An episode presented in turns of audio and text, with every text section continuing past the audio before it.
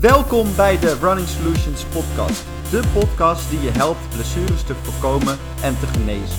Door jou meer te leren over hardlopen zullen we je transformeren in een gezondere, sterkere en betere hardloper. We gaan alle onderwerpen langs die jou kunnen helpen om niet meer diezelfde fouten te maken en diezelfde blessures te krijgen. De vijfde podcast in de serie. Vijfde alweer? Ja, de, Oh, tijd, eh, de tijd gaat hard. Ongelooflijk. We hebben... We Mijn hebben- vierde trouwens, hè? Ja, je hebt er eentje gemist. Ik heb er één gemist, maar ik had een hele goede vervanger, heb ik gehoord. Ja, we hadden Dennis Licht te gast Ja. vorige, vorige podcast. Ja, groot succes. Dennis eh, die heeft gewoon een heel goed verhaal over de Achillespees eh, gedaan. En we, we hadden een mooi, eh, mooi gesprek daarover. En ik denk dat het heel leerzaam was voor de lopers. Dus, eh, Het was leuk om te luisteren, ik geef het eerlijk toe. Ja, kijk, daar, daar worden we blij van. Nou hadden we daarvoor het onderwerp hardlopen gebeurt in de heupen. En Ja. eh, nou, heel veel positieve reacties op. Maar, Dat is de meest beluisterde podcast, heb ik begrepen van je. Ja. Interessant is dat. Maar ik kreeg ook wel een paar keer de reactie dat het toch wel erg technisch werd. En eh, ja, daar, moet, daar moeten we wat mee. Dus daar gaan we zeker rekening mee houden in de, deze podcast. Ehm, maar mocht je nou vragen hebben naar aanleiding van een van die podcasts, je kan, je kan het gewoon mailen naar Contact, at, runningsolution.nl. juist. En dan, eh, dan gaan we het gewoon doornemen in de, in de volgende podcast. Dus we gaan dan vragen van, van jullie, van de luisteraars, gaan we beantwoorden in de volgende podcast. Dus doe dat vooral. Ehm, dan, eh, dan kunnen we daarmee bezig. Eh, blijf ook vooral eh, reageer sowieso. Vind ik Ja. super leuk. Ja. Je krijgt heel veel reacties binnen van mensen die zeggen dat ze het te gek vinden. ehm, of af en toe dat ze het niet snappen. Dat is dan ook niet zo erg. Maar de meeste reacties zijn zo super positief. En dat geeft ons ook weer de energie om hiermee door te gaan. Dus dat is alleen maar goed. Juist. Ja, en dan, dan gaan we het volgende onderwerp introduceren. Want we gaan het vandaag hebben over de achterpendel. Ah, heerlijk. Ja, Eén van mijn favorieten, denk ik. nou de heup was je favoriet en dit is dan nummer twee. Nou ja, het is ook wel zo. eh, Ik maak eh, software met mijn bedrijf, zodat we de hardloopbeweging kunnen meten. Dus Ja. wij plakken sensoren op jouw lichaam.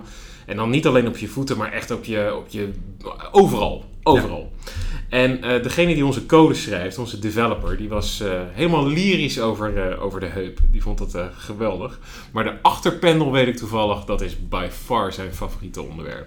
Ja, en de, de, de, meeste lopers en looptrainers en coaches die, die denken hier niet aan. Of die, die weten het misschien niet. Of die zijn er niet in opgeleid.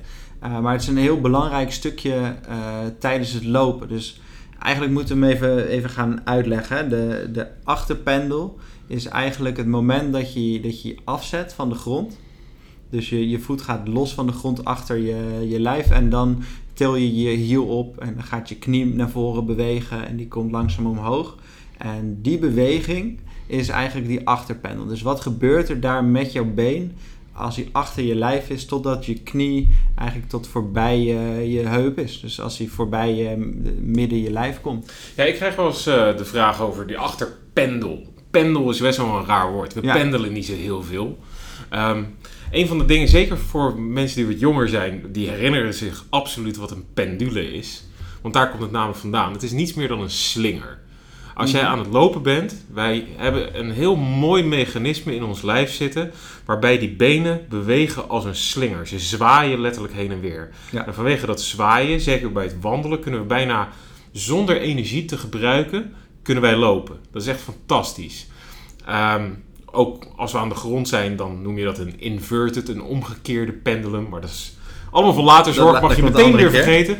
Maar hij zwaait dus naar voren. En zeker dat naar voren zwaaien, daar is het echt van belang dat het zo efficiënt en goed mogelijk gebeurt. Als dat namelijk niet gebeurt, kun je enorm in de problemen komen. Ja. Dus voor nu, de achterpendel, als we het erover hebben, dat is de zwaai, de slingerbeweging van het been van achteren naar voren nadat de voet ja. loskomt. Ja. Ja, en dat is, een, dat is een belangrijk onderwerp, omdat daar gebeurt een hele hoop wat later effect heeft in, in je patroon om, om je beweging eigenlijk af te maken. Dus we hebben het eerder over die heup gehad, we hebben het eerder over die voetlanding gehad. En uh, dat, die zijn eigenlijk allemaal weer uh, met dit verbonden. Dus ja, sterker hoe nog. land je voet het wordt beïnvloed. Mijn grote leermeester, dat is Frans Bos. Die, uh, die zegt altijd: lopen, dat doe je niet aan de grond. Lopen, dat doe je in de lucht. Ja. Um, vaak is het voor ons juist een moment dat we even lekker zweven naar de volgende pas. Maar dat is helemaal niet zo. Nou doe jij uh, heel veel bewegingsanalyses. Dus jij zou in die zin die achterpendel heel vaak uh, bekijken en zien wat daar dan gebeurt. Ja. Uh, hoe, hoe ziet dat er nou uit? Hoe kan een, een hardloper die nu luistert dat nou herkennen? Nou ja, wat je, wat je gaat zien, of je been verdwijnt heel ver achter je lichaam. Dat is als je bijvoorbeeld nastrekt. Ja. En wat er dan gebeurt is dat die vorm van die achterpendel effectief rond wordt. Dus stel, mm -hmm. jij loopt op een loopband en jij zou een stift in je, achter, uh, in je schoen hebben, in je hiel. Of bij je hiel. En jij zou telkens maar die, die, die ronddraaiende beweging blijven maken. Dan zou je effectief zien dat na de afzet, als jouw voet loskomt van de grond, dat er een lijn getekend wordt die rond gaat zijn. Dus hij beweegt eerst ietsjes naar achteren voordat je daadwerkelijk naar voren gaat bewegen. In een, in een cirkelvorm, zo gezegd. Ja. Terwijl op het moment dat jij direct nadat je voet loskomt begint met het buigen van je heup, dan zal je knie ook meteen naar voren gaan bewegen. En je voet zal loodrecht omhoog schieten. Ja. En dan krijg je, als je nog steeds aan het tekenen bent op dat whiteboard, een lijn die loodrecht omhoog loopt. Dus een verticale lijn. Een verticale lijn, inderdaad. En het grote verschil tussen die twee is, op het moment dat je een ronde achterpanel hebt, dan maak je een veel langer traject wat je voet moet afleggen voordat het voorwaarts is gekomen. Mm -hmm. En al die tijd moet je heup maar wachten totdat hij gaat buigen. En nou ja, die knie die buigt heel snel, dus je been zwaait heel hoog op. Terwijl wat je ziet als jij naar Daphne Schippers of zo kijkt, en dat is dan een extreem voorbeeld, maar ook de topmarathonlopers, die zie je dat ze zo snel mogelijk die knie naar voren willen bre brengen door direct na de afzet de heup te gaan buigen.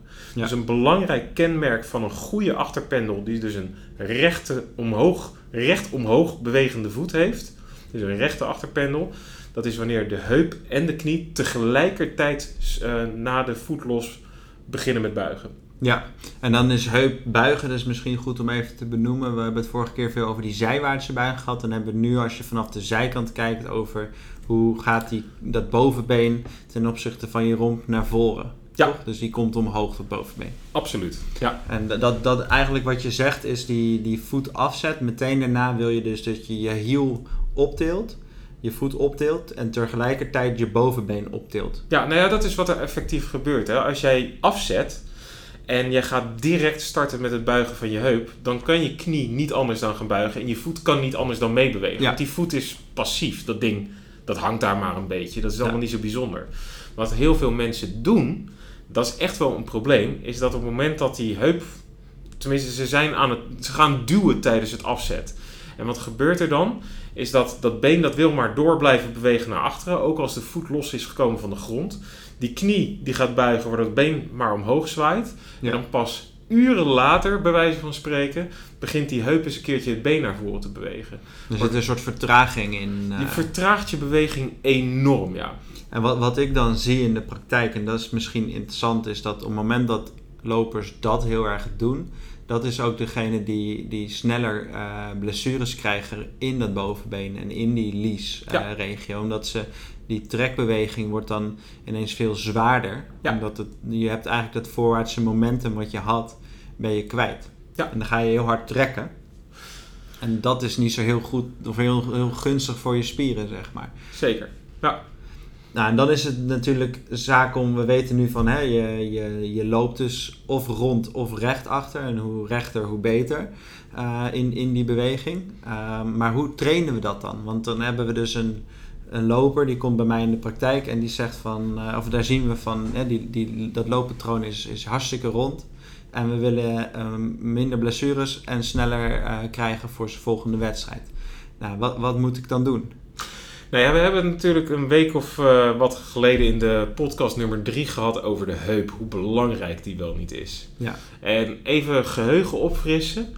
Wat we toen zeiden was, eh, wanneer je op één been staat en je wil gaan afzetten, dan moet de, eh, als je het been wat aan de grond hebt, is, dan moet ervoor gaan zorgen dat er zoveel spanning komt aan de zijkant, dat de open bekkenhelft omhoog getrokken gaat worden. Ja, dus als je op, je rechterbeen staat, dan is je linkerheup dus weer hoger dan die van een rechter. Juist. Ja. Stel dat je nu op één been gaat staan en je tilt, eh, stel je gaat op je linkerbeen staan en je tilt je rechterbeen helemaal op, hè, kan je voor de gein eens thuis een keertje doen.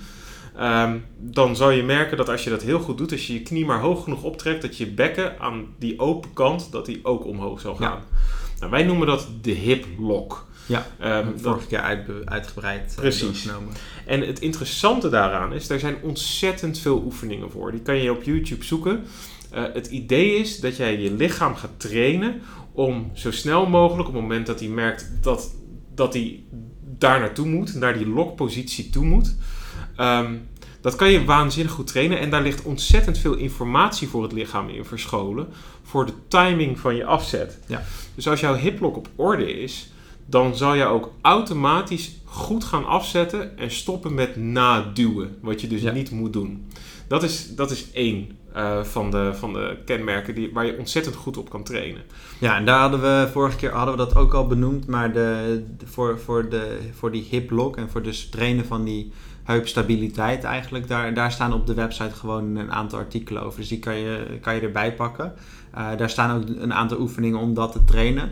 Uh, maar eigenlijk ben ik, die, die hip lock hebben we wel duidelijk denk ik. Maar wat, wat, ik ben eigenlijk op zoek naar, hoe kunnen we nou die, die, die zwaaifase, dus hoe kunnen we die, die, die terug, terugtrekbeweging van de been nou, nou echt trainen? Kunnen we daar wat voor doen? Ja, de methode die wij altijd hanteren is ervoor zorgen dat we de fout uitvergroten.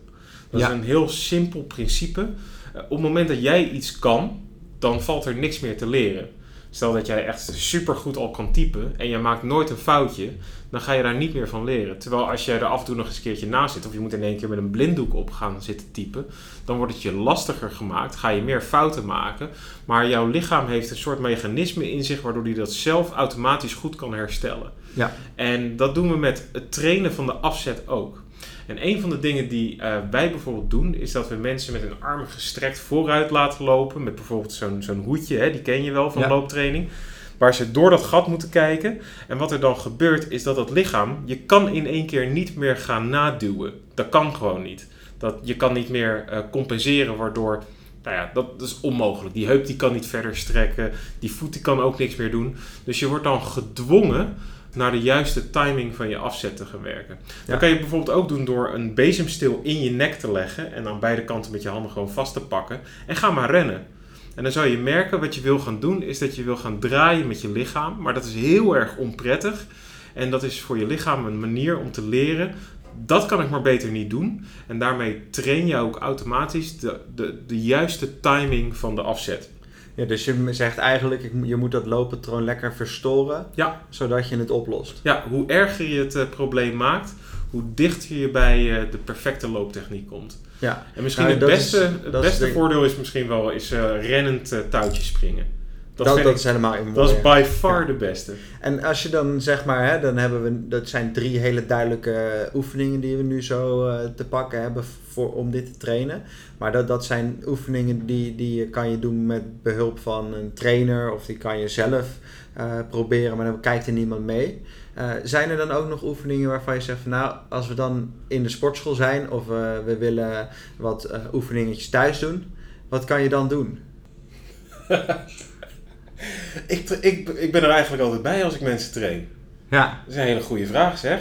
Ja, ik kom natuurlijk de, de geblesseerde loper tegen. En die, die komen bij ons in de praktijk. En die, die, mijn visie daarop is, hè, ik, ik, kan je, ik kan je inzicht geven, ik kan je uh, adviseren, ik kan je behandelen als je, als je last van, ergens van hebt om dat proces te uh, versnellen. Maar het belangrijkste is dat je zelf uh, aan de slag gaat. Sowieso. Uh, dat, kan, dat kan bij ons in, in, in de gym die we hebben, maar dat kan, dat kan je ook voor een heel groot gedeelte thuis doen. En uh, daar, daar, daar ben ik nou naar op zoek. Hè, van hoe kan ik mijn lopen dat nou thuis laten doen? Ja, ik, ik, ik ben er eigenlijk... Uh, ik geef altijd dit soort opdrachten mee, maar ik heb daar nog nooit echt over nagedacht misschien. Nou, wat, wat ik vaak adviseer en op, op dit gebied, en dan moet je me zomaar even aanvullen, want waarschijnlijk denk je van, oh ja, daar weet ik er wel een aanvulling op. Maar ik kan me zo, uh, als advies geef ik vaak van, oké, je, je wilt dus eigenlijk heel snel die knie heffen. Ja. Dus op het moment dat je, dat je afzet, wil je die, die knie heft, dus die, die wissel van die benen, die moet snel zijn. En dat, dat is goed te oefenen door, door knieheffen. Ja, en um, het probleem met knieheffen is dat mensen dat vaak niet zo uh, stabiel doen, niet zo snel doen. Uh, vaak strekken ze de benen niet goed uit en zo. En, en daarvoor geef ik ze eigenlijk een, een kniehef waar ze uh, een pauze nemen. Dus je, je gaat bijvoorbeeld met, een, met je rechterknie ga je geheven staan. En dan, Dus je eh, staat op je linkerbeen nu en je hebt, je, je, je hebt in feite je rechterbeen heb je een, bijna recht, je knie wijst recht voor je uit. Ja, Ja. ja. en dan wat je dan gaat doen is dan ga je je linkerbeen, dus diegene die nog aan de grond staat, die ga je zo snel mogelijk omhoog tillen, dat die knie net zo hoog is als die van het been dat al geheven was. En dan wacht je zo lang mogelijk met het weer gaan staan op dat been wat al hoog was. Dus Ja. eh, je wisselt eigenlijk die benen om. En dan probeer je ervoor te zorgen dat die knie die omhoog komt, dat die eerder hoog is dan dat je eh, been dat Voet hoog aan was is. aan de grond komt staan. Ja, en, heel en dan train je exact dit mee. En wat we wel zouden kunnen doen is, dat is, ga ik gewoon eens filmen en dan zet ik het eh, op de website. Dan kunnen mensen terugkijken. Maar dat is naar mijn idee een hele goede oefening om thuis dit, dit te trainen. Ben ik helemaal met je eens. Dat is inderdaad fantastisch. En als je hem wat moeilijker wil maken en je wil er echt tempo in gooien. hè, Als, als je dit nou echt onder de knie hebt. Ja, Wat je dan ook kan doen is dat je eh, met één been, en als je dan een setje van, eh, van 10 herhalingen doet of zo, dat je met één been op een verhogingje van 10 centimeter gaat landen.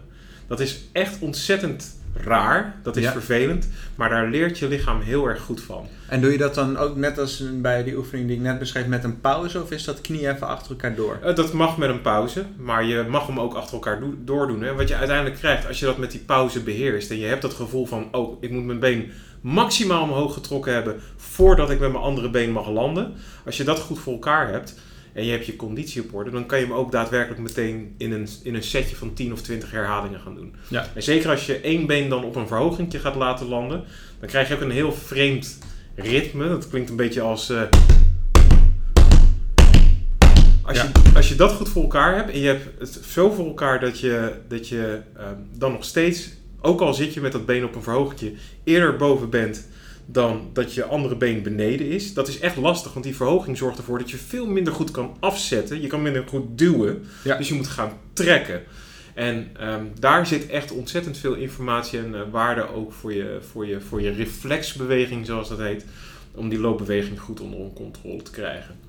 Is dat, eh, dat ver- stukje verhoging dan ook hetgeen wat, eh, wat je net zegt van je gaat iemand uit zijn eh, patroon verstoren door iets voor zich te houden Ja. of iets boven zich te houden, maar dan doe je dat op deze manier. Ook, we- boven je houden is sowieso goed. Hè? Misschien is dat wel de les die je, die je moet geven als je mensen loopoefeningen gaat laten doen. En ik denk in de atletiek is het normaal om 80% van alle loopscholing te doen met je handen boven het hoofd.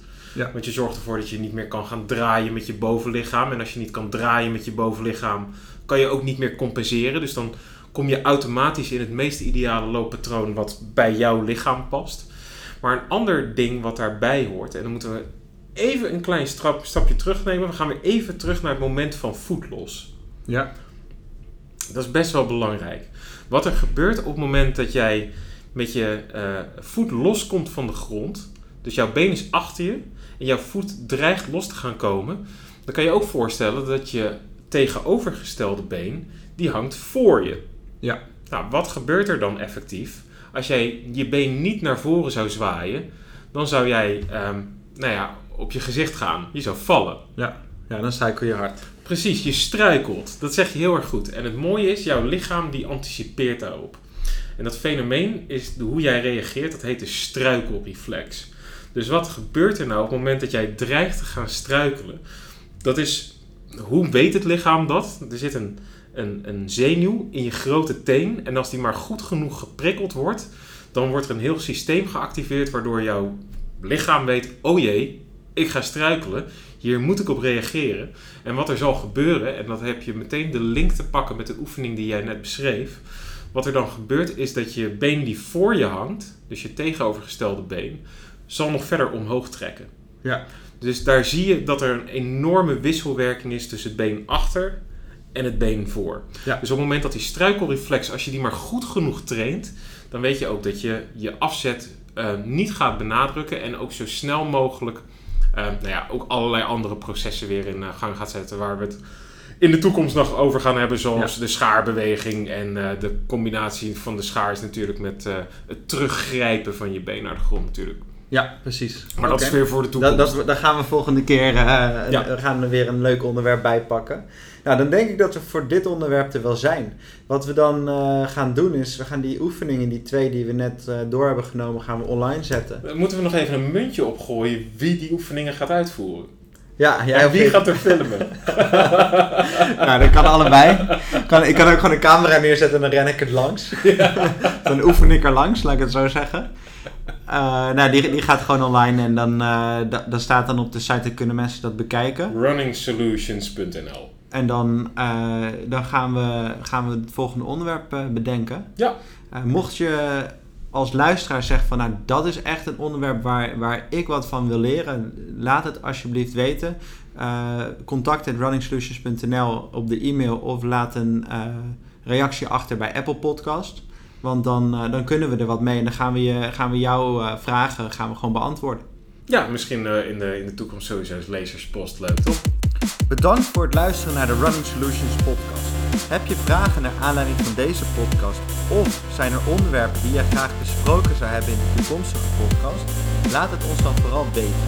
Dit kan je doen door te e-mailen naar Running Solutions of laat even een comment achter onder de Apple podcast, eh, in Spotify of de andere podcast services waar we te vinden zijn.